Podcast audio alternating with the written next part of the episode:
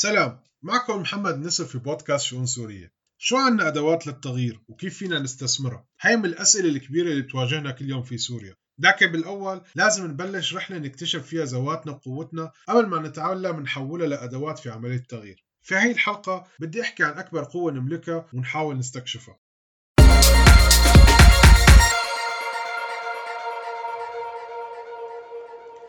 دخلنا عام 2020 بصعوبات وأزمات حول العالم. كانت غير متوقعة. حولت الرقم المميز لنزير شؤم عالمي. وفي إدلب ورغم انعزالها عن العالم إلا أنه كان لها نصيب من 2020 والبداية كانت مؤلمة كثير بالحملة العسكرية الروسية الأسدية وتهجير أكثر من مليون شخص من منازلهم نتيجة القصف المركز على المناطق المدنية. التهجير اللي اعتبره الأسديين انتصار لهم انتصار على أوجاع ودموع إضافية ودماء أبرياء. الانتصار اللي تم ترجمته بمقاطع مصورة من داخل البيوت المعفشة محمول برسائل تهديد إضافية وتدنيس للقبور والمقدسات. لكن هي الرسائل نفسها فضحت الهزيمة اللي عم يحاول الأسد يخبيها واللي تحمل انتصار إدلب عليهم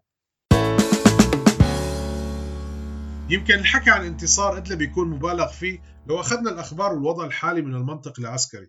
وهذا تماما يلي نظام الأسد عم يحاول يحشرنا فيه من بداية ثورة 2011 لحتى نكون بعيدين عن المنطق السياسي واللي بنقدر من خلاله نصنع التغيير. التغيير اللي ممكن يكون إيجابي نحو دولة مدنية ديمقراطية تمثل كل السوريين وممكن يكون سلبي باتجاه استمرارية نظام الأسد أو استبداله بنظام استبداد جديد. لكن مهما كان اتجاه التغيير فهو نتيجة تراكمية سياسية واجتماعية والعمليات العسكرية أداة ضمن العملية السياسية وليس بديل عنها. مشان هيك بنشوف الدول دائما بتحكي عن عدمية الحل العسكري في سوريا مو من باب دعمها للثورة أو وقوفها ضدها إنما لأنه القضاء العسكري على أي طرف في سوريا هو أمر مستحيل. والظروف والأدوات اللي كانت متاحة عند حافظ ورفعت الأسد للقضاء على الحراك المدني والسياسي وتمرد الإخوان ما هي نفس الظروف والأدوات الموجودة عند بشار الأسد وأعوانه وزيادة الوحشية اللي عم يواجه فيها الشعب بتتناسب مع صمود وتحدي الشعب وليس العكس. فإجرام حافظ ليس أقل من بشار ولا إجرام بشار كان أكثر من حافظ. إنما المقاومة الشعبية اللي عايشينها اليوم هي أكبر بكثير من يلي واجهت نظام الأسد بالثمانينات. المقاومة المقصودة ليست عدد الصواريخ والرشاشات والفيالق والمقاتلين اللي بتملكها الفصائل إنما المقاومة الشعبية اللي فرضها السوريين على نظام الأسد ودول العالم كله. المقاومة الشعبية اللي أحرجت الغرب الديمقراطي وحولت روسيا وإيران لدول عاجزة لفرض رغبتها بالقوة لإخضاع السوريين. وصار استعمال القوة يؤدي لمزيد من القتل بدون نتائج والرفض الشعبي لنظام الأسد عم يضل نفسه. وهذا الشيء حول المقاومة الشعبية لأداة سياسية. ويمكن الأداة الوحيدة يلي ما زال يملكها السوريين يلي العالم كله ونظام الأسد بيعرف إنه هو السلاح الأقوى في عملية التغيير. لأنه هاي الأداة بتملك القوة لإعطاء أو نزع الشرعية. للأسف هاي الأداة السياسية ورغم أنها الأقوى يلي بنملكه الآن إلا أن السوريين أنفسهم ما قدرانين يتعاملوا معه ويستغلوها بشكل صحيح. الشرعية شرط أساسي للحكم وبدون هالشرعية ما رح تقدر أي سلطة ممارسة نفوذها على الناس. بحسب وجهة نظري الشرعية في الدولة السورية من وقت الانتداب الفرنسي وحتى اليوم تنقسم لثلاث أنواع شرعية الخارج وشرعية احتكار السياسة وشرعية الشعب. أما شرعية الخارج فهي الشرعية الأكثر تفضيلا في سوريا عند السلطات المتعاقبة يلي كانت تستمد شرعية انقلاباتها من دول أجنبية وتراهن على تقبل الشعب واحتفاله بانتصاره الانقلابي. وحتى نظام الأسد استند بجزء كبير من وجوده واستمراريته على لعبة توازنات الدول الإقليمية والقطبين العالميين في هذاك الوقت السوفيتي والأمريكي. استمر هالشيء مو بس عند بشار الأسد لأنه عم نعيشه عند باقي الأطراف السياسية في سوريا واللي وضعت نفسها ووضعت سوريا تحت خدمة دول إقليمية ودولية. ظنا ظنا منهم انها عم تجلب لهم شرعية يقدروا يمارسوا سلطه من خلالها حتى لو كنا عم نحكي عن منصب أو عضوية في تجمع سياسي كالائتلاف وغيره. والشرعية الثانية شرعية احتكار السياسة يلي بداية تشكلها مع بداية الدولة السورية من خلال تمثيل برجوازي أو إقطاعي أو عائلي لأغلب المناصب. فتحولت السياسة في سوريا لحكر على مجموعة بشرية متجانسة مع بعضها وهذا الشيء مهد بسهولة لتغلغل حزب البعث في الطبقات الشعبية المهمشة خارج الطبقة السياسية. ولكن سرعان ما وقع حزب البعث بنفس المشكلة بطريقة كارثية فاحتكر السياسة والمجتمع لنفسه وأعضائه. يلي سهل المهمة بدوره على حافظ الأسد بالسيطرة على الحكم واحتكر السياسة من الطبقة السياسية المحتكرة أصلا.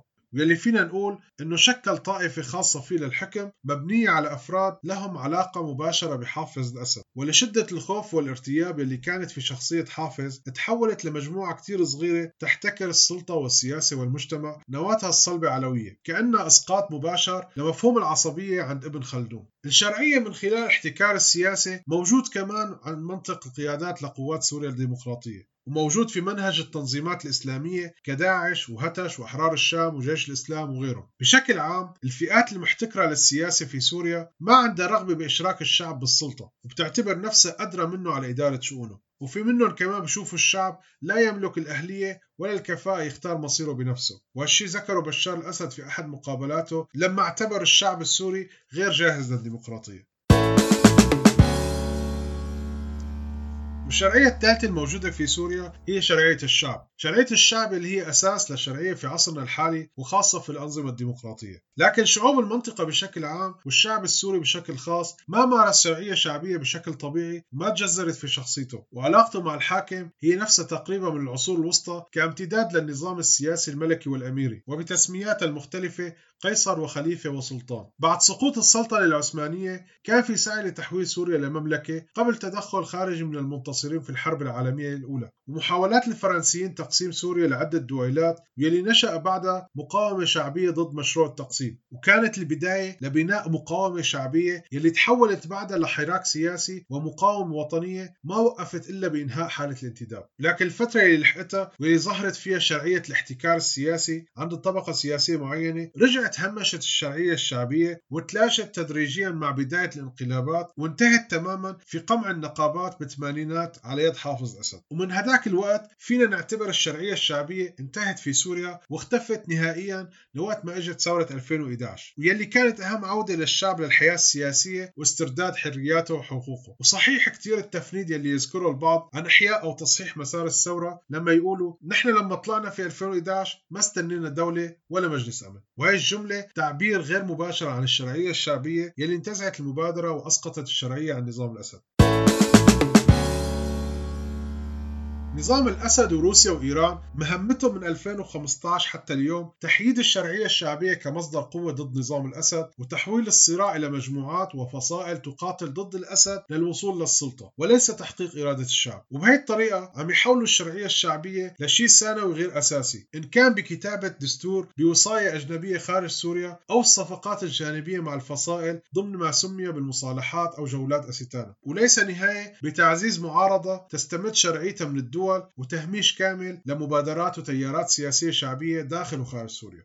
بالرجوع لأدلب فالنزوح الجماعي اللي شهدته المنطقة جسد أهم عملية نزع شرعية من نظام الأسد من بعد مظاهرات 2011 النزوح الجماعي كان عملية اقتراع أقوى من صناديق الانتخابات ونتائجها واضحة برفض نظام الأسد وإسقاط شرعيته. إدلب اللي بتمثل اليوم سوريا المصغرة وما تملكه من ثقل سكاني كانت الواقعية السياسية اللي فرضتها على الدول الإقليمية وليس الواقعية السياسية يلي بدهم يفرضوها علينا. المقاومة الشعبية اللي ظهرت في إدلب رغم ما حملته من وجع إلا أن التعبير السياسي الأصدق عن مستقبل سوريا بوجهة نظر شعبها إدلب وما تحمله من رمزية سياسية بالإضافة لأكثر من 6 مليون لاجئ في دول الجوار والعالم السوريين في مناطق شمال سوريا ومناطق سيطرة قسد. هن الواقعية السياسية الحقيقية في سوريا وهن أداة نزع الشرعية وهن الشرعية الشعبية الأكبر حاليا في ظل تغيب باقي الشعب في مناطق سيطرة نظام الأسد. مشان هيك لما نشوف مقاتل أسدي عم ينتقم من القبور فهذا انتقام لهزيمته وهزيمة نظام الأسد أمام صمود الشعب مقاومته. يلي عشناه في سوريا من ألم ودم وتخاذل ما لازم يخلينا نتجاهل القوة والعزيمة اللي بنملكها يمكن لساتنا بمرحلة عم نستكشف قوتنا وقدراتنا لكن مهم كتير إنه نحس فيها ونؤمن بوجودها ولا نستسلم لدعايات وبروباغندا نظام الأسد وغيره بأننا مهزومين. بعد اكتشاف قوتنا واجب علينا ننظم هالقوة ونحولها لعمل منتج. بهالعملية بنقدر نحول القوة ومقاومة المجتمعات والشعب لشرعية نتحكم فيها ولا نسمح لحدا ينتزعها منا لا فصيل ولا سياسي ولا دولة دمتم بخير.